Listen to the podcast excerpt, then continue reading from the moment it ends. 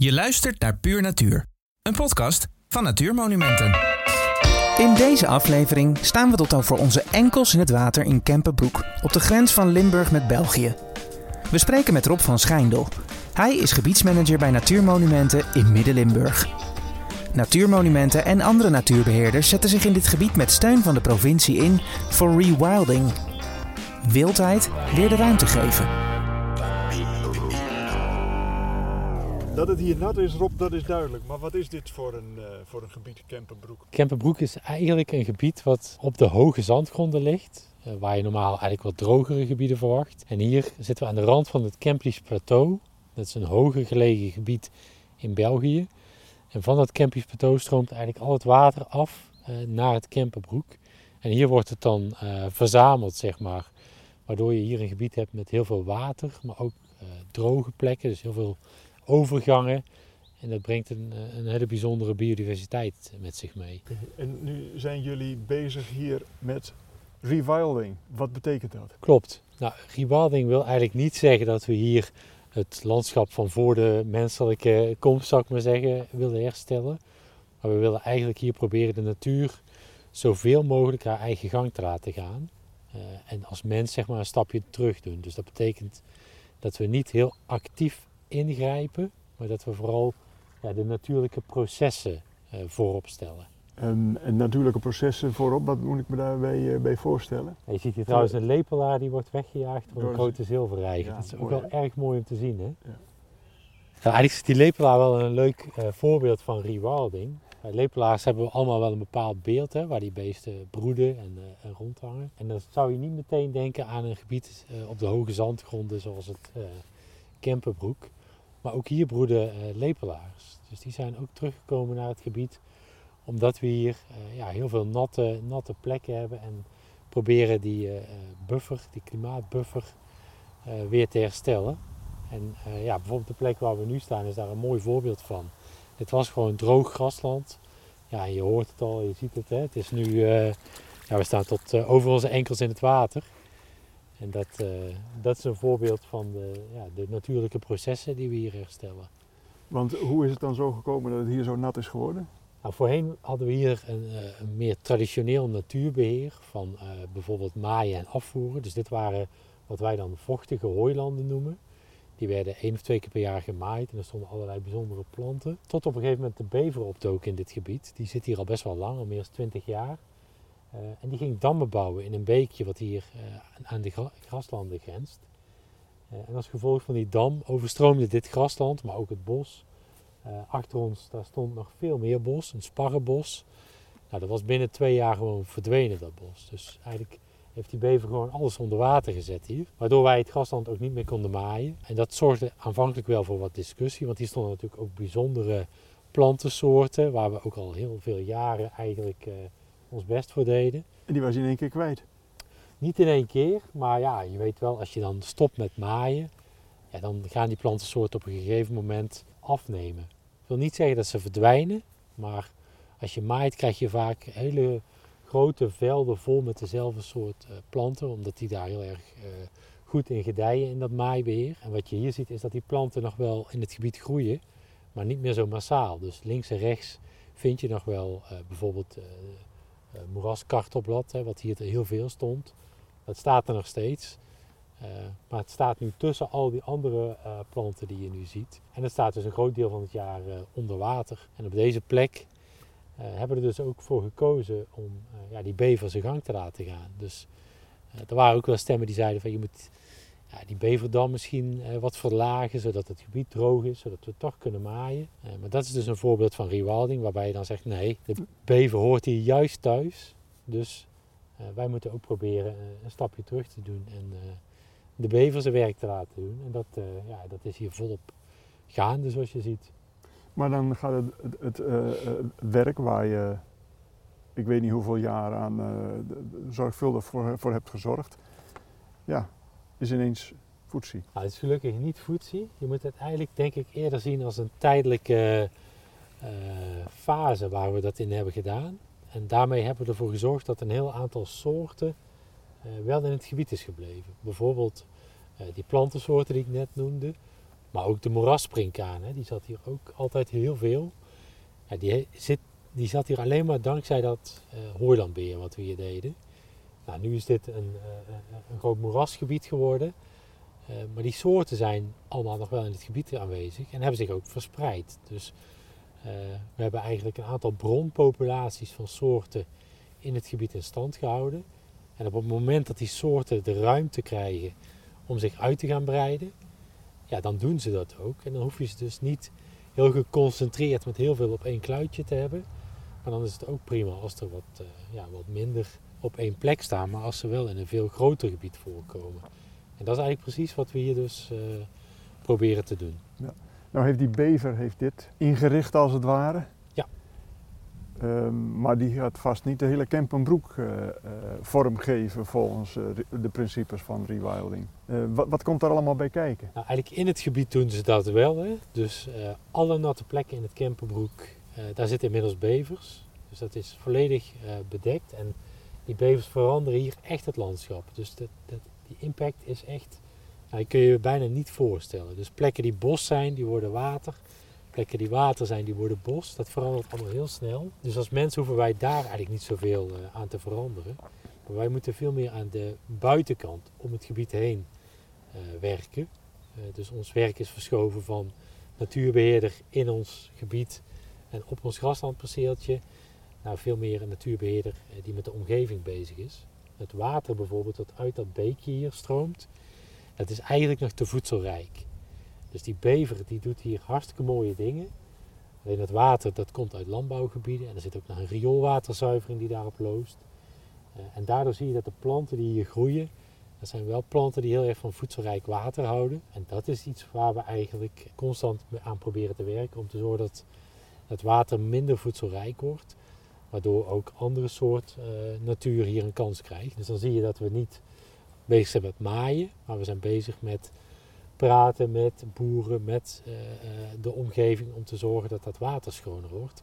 Want dan heeft uiteindelijk dat systeem daar profijt van. En in het gebied zelf, ja, daar kan die natuur dat prima zelf. dus we proberen eigenlijk die soorten die hier zitten, proberen we te helpen. Of te faciliteren zou je kunnen zeggen. Maar dat doen we aan de buitenkant. En lukt dat een beetje, dat water schoner te krijgen? Dat lukt zeker. Als je kijkt waar we vandaan komen, hè, eh, dan is het al heel veel schoner. Maar het moet ook nog steeds wel uh, veel gebeuren. Dus uh, we zijn nog lang niet klaar, maar we hebben al wel echt veel kunnen bereiken op dat vlak. en ook het vasthouden van water. dat doen we in het gebied zelf, zoals waar we nu staan. Maar ook aan die randen is het heel belangrijk dat we de grondwaterstanden verhogen. Zodat het hele gebied natter wordt. Dus dat is ook een manier om van buitenaf te zorgen dat de kwaliteit en de condities voor die soorten in het gebied beter worden. En dan voorkom je ook dat het water te snel het gebied weer uitstroomt misschien. Klopt, ja. ja. Water vasthouden, water laten infiltreren, hè, want we zitten nu op de hoogste plek van het gebied. Al het water wat hier de grond in gaat, komt dan op andere plekken, vaak aan de randen, uh, weer naar boven als kwelwater. En er zijn weer allerlei bijzondere plantensoorten die daar dan weer van profiteren. Dus ja, op heel veel punten uh, win je daar eigenlijk iets mee. Ja. En jullie hebben de keus gemaakt voor rewilding. Dus een andere vorm van, van beheer, eh, leg je net al uit. En waarom maak je die keuze? Waarom kies je voor rewilding en niet voor gewoon het in stand houden van oude cultuurlandschappen? Nou, dat doen we ook op heel veel plekken. Het leuke is dat we dat bijvoorbeeld aan die randen hier wel uh, heel intensief doen. Uh, maar er zijn eigenlijk maar heel weinig plekken in Nederland waar we uh, de mogelijkheid hebben om te kiezen voor rewilding of de natuur wat meer uh, haar gang laten gaan. En er zijn een aantal dingen belangrijk. Bijvoorbeeld de schaal. Dus een gebied moet groot en robuust genoeg zijn om dat te kunnen doen. Als je een hele klein of versnipperd gebied hebt, ja, dan kan die natuur eigenlijk haar gang niet gaan, omdat je overal grenzen en buren hebt waar je effecten op hebt. En verder ja, moet je die omgevingscondities, zeg maar, ja, die moet je ook wel op orde kunnen krijgen. En dat is iets wat hier ook kan en haalbaar is. En ook onze uh, partners in het gebied, bijvoorbeeld de Belgische natuurbeheerders, uh, die werken ook allemaal mee in diezelfde visie. En dat is wel belangrijk, omdat je dan uh, ja, op lange termijn ook echt die successen kunt boeken waar je, waar je het voor doet. En zijn er behalve de bever nog andere belangrijke soorten om die natuurlijke processen vorm te geven? Nou, er zijn heel veel soorten die daar een rol in spelen, maar meest in het oog springend zijn uh, toch wel de grote grazers. Uh, in het gebied zijn heel veel uh, natuurlijke aanwezige grazers. Moet je bijvoorbeeld denken aan wild zwijn, de ree, maar ook sinds een aantal jaren weer het edelhert. Maar dat hebben we hier nog aangevuld met een aantal soorten. Dat zijn dan runderen en paarden. en die zorgen voor structuur in het gebied. Die zorgen ervoor dat het gebied niet in één keer helemaal dichtgroeit. Want dat is natuurlijk wat we soms hier wel doen. Dat we een gebied aankopen en vervolgens inrichten als natuurgebied. Maar dat is allemaal uh, op hetzelfde moment. Dus alle bomen die dan gaan groeien zijn ook allemaal even oud. En die uh, grote grazers zorgen ervoor dat je daar uh, juist heel veel structuur in krijgt. Dus je krijgt oudere bomen, maar ze houden het gebied ook wel een beetje open. En dat is juist voor heel veel soorten heel belangrijk. En dat zie je dan bijvoorbeeld terug in de grauwe klauwier die hier de laatste jaren enorm toeneemt. En ook dat is een soort, die hebben we hier jarenlang eh, met heel veel moeite in stand gehouden. Een paar koppeltjes zaten hier eh, in het gebied. Sinds we met dit grootschalige rewilding project bezig zijn, zie je dat die soorten enorm toenemen. Omdat die uh, juist die schaal nodig hebben, maar ook die uh, half open landschappen die die grote grazers maken. In combinatie met insecten, uh, die dan bijvoorbeeld weer op de ontlastingen, de uitwerpselen van de, van de grote grazers afkomen. En dat is wel echt ja, hoe je kunt zien dat het ook echt werkt, het, uh, het rewilding. Uh, ja, als we bijvoorbeeld grasland maaien, dan bevoordelen we een paar soorten insecten. Maar heel veel insecten die hebben juist uh, vegetatie nodig die meerjarig is. Hè, dus die niet elk jaar wordt afgemaaid. Dus per saldo betekent dit meer voor de biodiversiteit dan uh, nou ja, de, de, de oudere vormen, de traditionele vormen van beheer. Ja, dat ligt een beetje aan hoe je dat uh, begrip biodiversiteit uh, definieert en ook op welke termijn dat je kijkt. Dus als je op de hele korte termijn kijkt, dan gaat de biodiversiteit op sommige plekken misschien wel een beetje achteruit. Want hoe meer je kleinschalig beheer doet, hè, tot, tot meest extreem tuinieren, dan kun je natuurlijk ontzettend veel niches maken. Hè, specifieke condities waar één bepaalde soort of een groep soorten heel erg van houdt. En dan kun je dus veel meer soorten op je hectare uh, natuur krijgen. Als je dat loslaat, dan krijg je dus grotere oppervlaktes ja, van met, met min of meer dezelfde soort natuur. En zal een aantal soorten daar ook verdwijnen. Dus op korte termijn kan de biodiversiteit iets afnemen. Op lange termijn uh, denken wij dat de biodiversiteit juist kan toenemen. Maar dat is ook iets wat we natuurlijk niet helemaal zeker weten, omdat eh, de natuur ons hier verrast. Hè? Dus we hebben niet een vooropgesteld plan waarin staat welke soorten hier naartoe moet komen of hoeveel er moeten zitten. En dan gebeuren er af en toe ook dingen waar, uh, ja, waar je van tevoren helemaal niet, uh, niet bij stil had gestaan. Maar heb je wel een idee over hoe het landschap er over 20, 30, 40 jaar uit gaat zien? Ja, daar hebben we wel een beeld bij. Omdat we zien dat de soorten die hier aanwezig zijn en de processen, die zorgen er nu al voor dat het half open landschap in stand blijft. Dus eh, dat, dat zullen we altijd hier houden.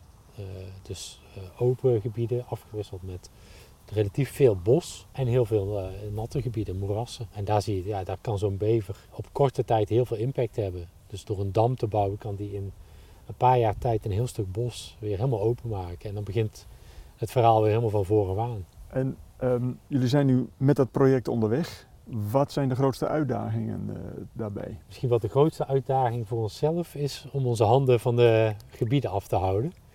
Uh, dus die natuur haar gang laten gaan is, uh, klinkt heel mooi, maar is in de praktijk heel moeilijk. we zijn toch wel gewend om heel erg goed voor de natuur te zorgen. En als we ergens iets zien of een duikt een hele leuke soort op, ja, dan willen we toch wel graag daar iets voor doen of zorgen dat die soort het naar zijn zin heeft. en om onze handen ervan af te houden, dat is in de praktijk echt heel erg lastig.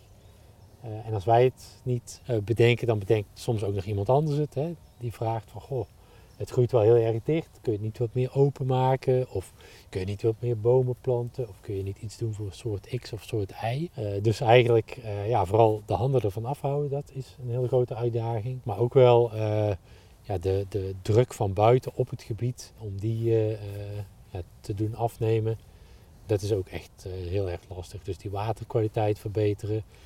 Uh, zorg dat de stikstofdepositie afneemt. Maar ook uh, de effecten van infrastructuur, van wegen bijvoorbeeld. Zodat de dieren kunnen migreren. Dat zijn eigenlijk de grote, grote uitdagingen waar we hier voor staan. En wat zijn de obstakels uh, daarbij? Wat, Nou- wat zit je in de, in de, in de weg om, om, om nou ja, stikstofdepositie, dat, is natuurlijk, dat, dat los je hier niet op. Ja.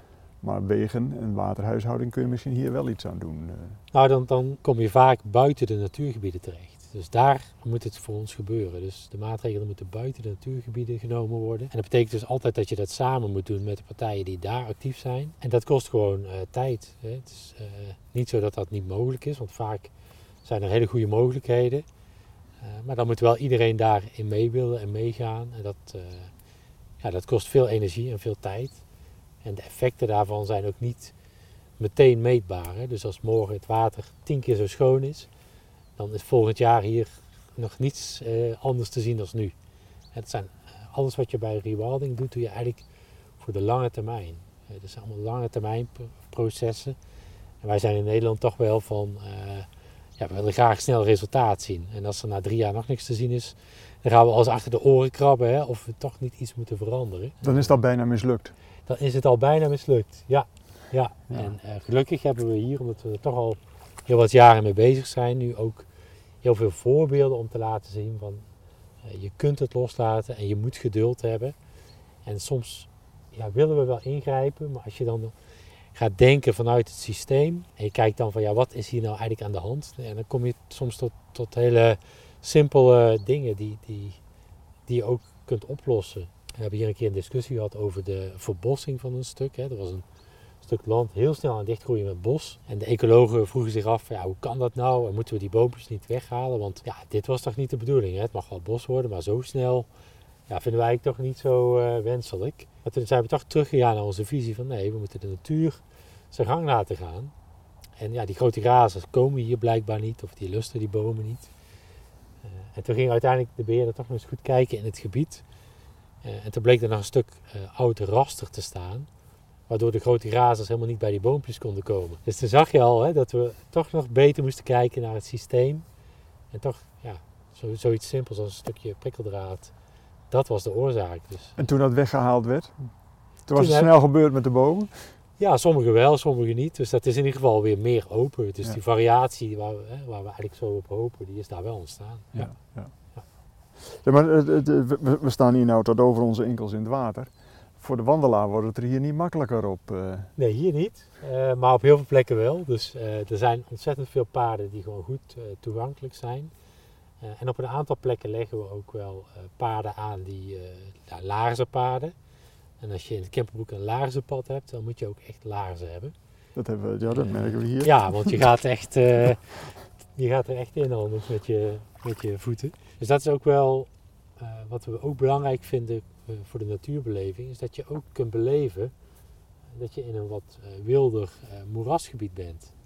Dus dat, ja, dat, dat is wel een keuze die we hier maken. Dus wij kiezen hier niet voor om hier zoveel mogelijk mensen dit gebied in te krijgen. Er zijn routes, er zijn hele goede routes die voor iedereen toegankelijk zijn.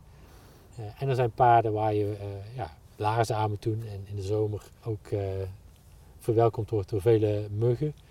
Maar dat is wel wat eh, ja, bij dit soort natuur hoort. En je vertelde net al van de, de, de, de boswachter moet nogal wennen aan, eh, aan deze verandering in, eh, eh, in de omgang met de natuur. Eh, moet de recreant daar ook aan wennen? Zeker, zeker. Want ook eh, de recreant is natuurlijk gewend dat we heel erg eh, goed zorgen voor de natuur, voor het landschap, veel ingrijpen. Eh, mensen zijn ook vaak gehecht aan iets, eh, de situatie zoals het nu is of zoals het was in hun jeugd. En hier gebeurt iets wat eh, niemand ooit op deze plek heeft gezien. Dus hier ontstaat een landschap waar ook niemand een beeld bij heeft. En dat, eh, ja, dat levert soms wel wat onwennig eh, reacties op. Van hé, hey, moet dat hier wel bos worden? Of moet het hier wel zo nat zijn? Of ja, waar is de geelgors gebleven die hier altijd zat? Dus dat, dat kost tijd. En ook bijvoorbeeld de aanwezigheid van grote grazers in zo'n gebied. Eh, ja, dat levert bij mensen natuurlijk ook wel eh, wat spanning op soms. Hè? Want die, ja, die beesten zijn toch wel indrukwekkend. Eh, en het is hier, zoals je ziet, niet één groot open heideveld waar je de beesten al een kilometer verder kunt zien staan. Maar ja, je kan echt om de hoek in één keer een grote razer staan, of een wild zwijn, of een edelhert. En dat geeft een bepaald soort spanning, waar sommige mensen heel erg naar op zoek zijn. Maar andere mensen die zeggen van nou, voor mij hoeft dat eigenlijk niet zo. Hè. Ik heb liever dat ik gewoon rustig kan wandelen zonder dat ik opeens in oog en oog sta met een groot dier. Ja. Eh, en dat kan hier dus ook allebei. Dus we hebben echt voor gezorgd. Er zijn routes waarbij je geen grote grazers kunt tegenkomen. En daar ga je niet de begrazingsgebieden in. Eh, en er zijn routes waar dat, eh, waar dat wel kan. Ja. En, en je, ik heb begrepen dat jullie ook al de, in ieder geval delen van het gebied, de, de, de, de, de, de, de tauros, de, de teruggefokte oeros, verwijderd hebben en of ingewisseld hebben, in ieder geval voorlopig voor Schotse hooglanders. Ja, we hebben hier eigenlijk eh, bij, dat, bij die rewilding gedachte hoort dus dat je eh, probeert ook eh, grote grazers te introduceren in het gebied die hier van nature voor zouden kunnen komen of voor hebben gekomen. Nou, we hadden in Nederland het oerend, hè, de taurus. Nou, die, die is uitgestorven, nou niet zo heel lang geleden, een paar honderd jaar. En dat is eigenlijk het rund wat het best is aangepast aan de Nederlandse omstandigheden. Wij gebruiken in natuurbeheer vaak eh, rassen uit eh, bijvoorbeeld Schotland, hè, eh, die uit hele andere klimaatzones komen en die het hier best wel lastig hebben. Dat zie je bijvoorbeeld in de zomer, hè, dan gaan ze met z'n allen in het water staan om af te koelen. Nou, dat is voor, dat, voor die andere dieren in het water meestal wat minder positief. Eh, en ze zijn ook niet meer zo actief, die, eh, die grote grazers. Nou, die tauwersen die zijn kortharig, die staan ook veel hoger op zijn poten en eh, die zijn ook veel actiever. Dus die zijn veel beter bestand tegen ja, leven in dit soort gebieden. Eh, dus daarom hebben we ervoor gekozen om die ook in dit gebied te introduceren. We zien ook dat ze echt een heel ander gedrag hebben, dus ook een andere invloed hebben als bijvoorbeeld de Schotse hooglander. Alleen een aantal mensen die eh, eh, werd geconfronteerd met die grote dieren. Eh, want ze, ja, ze zijn echt imposant. Hè? Schofthoogte 1,80 meter. En dan, dan staat de kop er naar bovenop. Hè? Dus heel terecht dat die zeiden van ja, dat vind ik toch wel heel spannend. Dus in gebieden kleiner dan 100 hectare hebben we gezegd, nou daar gaan we die beesten vervangen door wat kleinere grazers. En dat zijn dan hier de Schotse hooglanders geworden. Omdat die gewoon wat, ja, vriendelijker ogen. Qua veiligheid voor het publiek is er eigenlijk geen verschil tussen de Towers en de Schotse hooglanders. Maar het komt natuurlijk wel heel anders over eh, door, de, ja, door de omvang. En ook wel een beetje door het gedrag. Hè, dat hele actieve versus eh, ja, het wat eh slomere imago. Ja, maar op den duur is het, want nu, ja, je hebt nu nog een be- beetje met, met, met kleiner en grotere gebieden te maken. Den duur is de bedoeling dat dat één aaneengesloten gebied gaat worden. Ja, voor eh, rewilding is het belangrijk dat gebieden zo groot mogelijk aaneengesloten zijn. Dus dat ja, alle soorten die in zo'n gebied zitten eh, vrij kunnen migreren. Dus dat is eigenlijk het streven. En ook om te zorgen dat je bijvoorbeeld zo'n gebied goed kunt vernatten. Ja, dan is het belangrijk dat je niet allerlei andere functies ertussen hebt zitten. Waarvoor de waterstanden bijvoorbeeld lager moeten zijn. Want dan, eh, ja, je kunt het peil maar zo hoog opzetten als het niveau van degene die de langste de droge voeten wil houden. Eh, en dat is ook de reden dat hier wel eh, veel grond is opgekocht. Vooral de laagst gelegen percelen. Zodat we het gebied ook kunnen vernatten.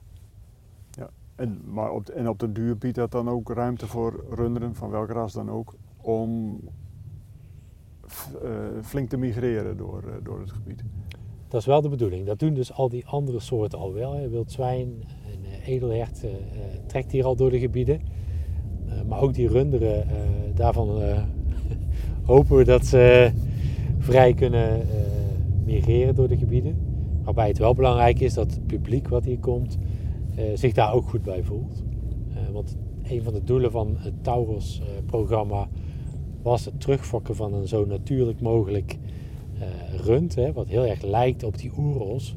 Maar die oeros leefden hier in tijden dat hier ook allerlei eh, andere gevaarlijke dieren rondliepen. Hè. Eh, grote roedels wolven, maar ook en nog verder terug nog andere predatoren. Beren. Beren onder andere. Ja. Dat is natuurlijk allemaal niet meer. Dus wij willen best wel weer een koe die daarop lijkt. Maar we willen niet een agressieve of een gevaarlijk rund. Dus dat is wel ja, de dimensie van deze tijd die eraan toegevoegd wordt. Het moet dus ook een publieksvriendelijk dier zijn. Zeker in een Nederlandse context, met veel bezoekers in, eh, in natuurgebieden. Klopt. En ehm, een aantal dieren zijn dus al, eh, zijn alweer teruggekeerd, hè? dus de wild zwijn, edelhert, bever. Welke kunnen we hier nog meer verwachten? Nou, waar we nu staan verwacht ik uh, volgend jaar de, de boomkikker. Die is spectaculair toegenomen. Uh, ja, die koloniseert echt met een gigantisch tempo het hele gebied. En die, uh, ja, die houdt bij uitstek van dit soort plekken die door de bever onder water gezet worden. Want hier zitten natuurlijk geen vissen, hè, want dit staat soms ook droog. En ja, dit, hier zie je allemaal pitrus en gras uh, in het water staan. Dus uh, ja, op dit soort plekken, een stukje verderop, ik denk een kilometer verder, ja, daar kun je duizenden boomkikkers horen als je, als je geluk hebt. Dat geeft een flinke baal. Dat geeft een flinke baal, dat klopt. Ja. maar ook de vliegtuigen ook, hè? Ja. ligt hier een militair vliegveld net over de grens. Oké. Okay. Deze komt wel heel dichtbij. Ja, er zijn in dit gebied ook allerlei soorten al vanzelf teruggekeerd. De eerste otter is hier uh, op beeld vastgelegd. De wilde kat is hier voor de camera verschenen. Uh, de wolf bezoekt dit gebied uh, regelmatig. we hadden twee jaar terug de eerste broedgevallen van hop. Maar ook wielenwalen zitten hier ontzettend grote dichtheden nog. En een soort als de grote weerschijnvlinder doet het ontzettend goed in dit gebied. Die, uh, ja, die houdt heel erg van die combinatie die we hier hebben van grote grazers uh, en vernatting. Hè, met heel veel wilgenstruwelen. Dus die zie je hier ook in, in hele grote aantallen. Maar ook bijvoorbeeld kleine ijsvogelvlinders. ja, het is echt een verrassend rijk gebied eigenlijk. Zeker voor de, voor de hoge zandgronden. En het soort waar we nog heel erg op hopen is de zwarte ooievaar. Die heeft al een paar keer een poging gedaan om te broeden in het gebied. Dus wij hopen echt dat hij binnenkort een keer zegt van nu, uh, nu ga ik me definitief vestigen. Zou dat de eerste zijn in Nederland weer? Dat denk ik wel. Ja. ja. Maar goed, het is een grensoverschrijdend gebied, dus waarschijnlijk gaat hij dan net over de grens in België zitten. dan kan de vlag hier niet uit. Jawel, dan gaat de vlag hier ook uit. Want wij, uh, wij beheren het gebied echt als één gebied, dus het maakt mij niet uit of hij in België of in Nederland zit. Ja. Dat, is, uh, is prima. En wanneer is het af? ja, eigenlijk uh, is de, de, de, om, de, de, omgeving nooit af, denk ik. Maar het gebied zelf, in het gebied, zou je kunnen zeggen, is het eigenlijk al grotendeels af. Dus er zijn nog een aantal uh, punten waar we aan werken. Er liggen nog een paar wegen doorheen. Uh, de waterstanden zijn nog niet helemaal optimaal. Oppervlaktewater moet nog iets schoner. Maar verder in heel veel plekken in het gebied doen we eigenlijk niks meer. We hebben hier een groot dennenbos uh, liggen, de Laurabossen. Dat is ongeveer 300 hectare wat is geplant voor de, voor de mijnbouw. Dus een traditioneel ja, in, in, intensief dennenbos. Daar hebben we nog een aantal dingen gedaan de afgelopen vijf jaar om het gebied een eerste aanzet te geven, zeg maar, om het herstel wat te bevorderen. En ja, daar gaan we nu ook niks mee doen in dat gebied. Dus daarvan hebben we ook gezegd, vanaf nu laten we het los en uh, gaat de natuur uh, het werk voor ons doen. Die gaat dat uh, naaldbos opruimen? Ja. dat hoeft ook niet allemaal weg. Hè. Dat heb je bijvoorbeeld ook gezien met, met de letterzetter. Hè. Dat is een kevertje wat in één keer opduikt en waardoor enorme oppervlaktes dennenbos afsterven. net zoals die bever hier ook stukken bos verzuikt. En dat zijn juist de natuurlijke processen waar wij hier op hopen. Dus we laten ook dat door de natuur doen. Je hoorde Frans Bosger in gesprek met Rob van Schijndel van Natuurmonumenten. Wil je meer informatie over natuurgebied Kempenbroek? Kijk dan op www.natuurmonumenten.nl slash kempen-broek. Alles over rewilding vind je op de site van Rewilding Europe. Dat is rewildingeurope.com. Wil je geen aflevering van deze podcast missen? Abonneer je dan in je favoriete podcast app. Wil je meehelpen de natuur en het culturele erfgoed in Nederland te beschermen? Kijk dan op www.natuurmonumenten.nl slash wordlid. Bedankt voor het luisteren naar deze aflevering van Puur Natuur.